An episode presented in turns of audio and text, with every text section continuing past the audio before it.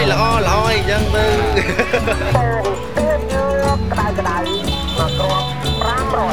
Het is ochtend in het avondland. Een podcast van Chris Janssens. Aflevering 3. Rotsvast overeind.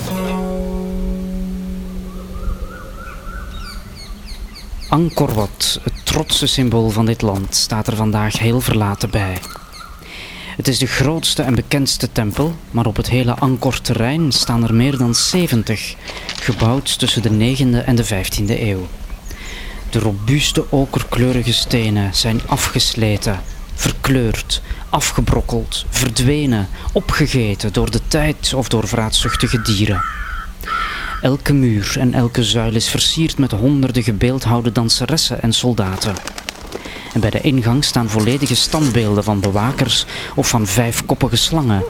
Tenminste, als ook die niet zijn verteerd door natuurelementen, zoals opeenvolgende regenseizoenen of de tropische hitte. De bouwstenen zijn door olifanten uit de bergen gehaald en met pure mankracht op elkaar gezet. Het waren ooit machtige bouwwerken, dat zijn ze nog, maar ze hebben 400 jaar amper mensen gezien. En de natuur is sterker en grootser gebleken dan het uiterlijk vertoon van de koningen die de opdracht hebben gegeven om deze tempels te bouwen. Dat gevoel heeft voor mij de bovenhand als je in Angkor Wat bent. Wij mensen kunnen bouwen wat we willen. We kunnen onszelf de heersers van het heelal wanen, maar de jungle heeft meer tijd. Jaar na jaar hebben bomen, planten en mossen de tempels overwoekerd. Dat je de getuigen van die oude beschaving kan aanraken, zelfs over de gekneusde traptreden mag klauteren, geeft een heel bijzonder gevoel. Dat en de stilte die je er hoort, want stenen vertellen hun verhaal niet met woorden. Zitten op een eeuwenoud rotsblok en luisteren naar de wind in de bomen, naar elk takje dat ritselt en naar vogels hoog in de lucht. Alleen was het, tot voor kort, erg moeilijk om een plekje te vinden waar je alleen was. Misschien ergens achterin een van de kleinere tempels waar minder belangstelling voor is. Maar ook dan kan je gestoord worden door jengelende kinderen en tierende ouders. Of door Chinezen die altijd in groep reizen, zich superieur voelen en iedereen willen laten merken dat ze eraan komen.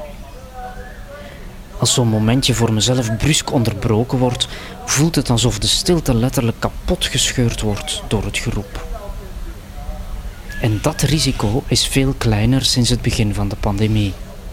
Toeristen blijven weg, je hebt enkel nog lokale bezoekers en habitués, zoals ik. Ik heb mijn vast parcours door het domein.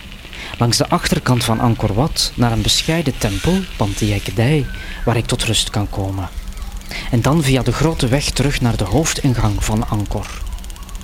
De afwezigheid van toeristen zorgt voor een extra laag desolaatheid. De kraampjes waar t-shirts en drankjes verkocht werden, staan er leeg en vervallen bij. Weg zijn de schilderijen van een zonsopgang boven de tempel met een verdwaalde olifant op de voorgrond. Wat overblijft zijn tentzeilen en achtergelaten houten palen, die langzaam worden weggevreten door stof en bladeren, net zoals de tempel zelf. Met de stad Simrip, die de toeristen opving, gebeurt trouwens hetzelfde. Heel veel rolluiken zijn gesloten en winkeldeuren blijven definitief dicht. Bars, grote en kleine hotels, massagesalons, restaurants met ruimte voor een kookworkshop, verhuurkantoren voor fietsen, scooters of quads, ateliers om potten te bakken, dansvloeren om typische moves te leren. De Cambodjanen deden er alles aan om de toeristen zo lang mogelijk in Siem Reap te houden, na hun verplicht bezoek aan de tempels. Je kan het zo gek niet bedenken of je had het hier. Had, want het is allemaal weg. Centraal in de stad heb je, of had je, de zogenaamde Pub Street, de overpoort van Siem Reap, met het ene westers biercafé naast de volgende pizzatent. Allemaal om het de toeristen naar hun zin te maken. Ik heb het nooit zo erg gewaardeerd, want van Cambodjaanse authenticiteit was hier uiteraard geen sprake. Neem daar nog eens de opdringerige tuk-tuk-chauffeurs bij die je op elke straathoek staande hielden, of soms zelfs naast je kwamen rijden om een waslijst drugs op te noemen. Als je werkelijk niks uit hun winkeltje wilde en bleef weigeren, was de laatste vraag altijd: Do you want lady? Ik heb mij altijd afgevraagd waar die vrouw plots vandaan zou komen als ik ja zou zeggen. Vandaag is de Pub Street dood. Afgebroken elektriciteitskabels hangen levenloos naar beneden.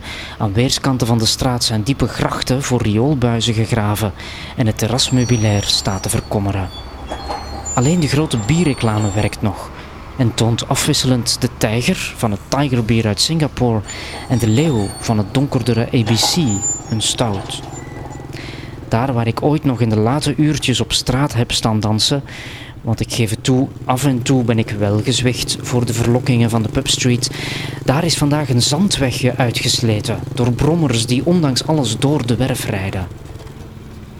En opnieuw trekt deze sfeer mij aan. Wat heb ik toch met vergane glorie, met grandeur die niet meer is, met verdoft goud en bestofte dromen die niet mochten zijn.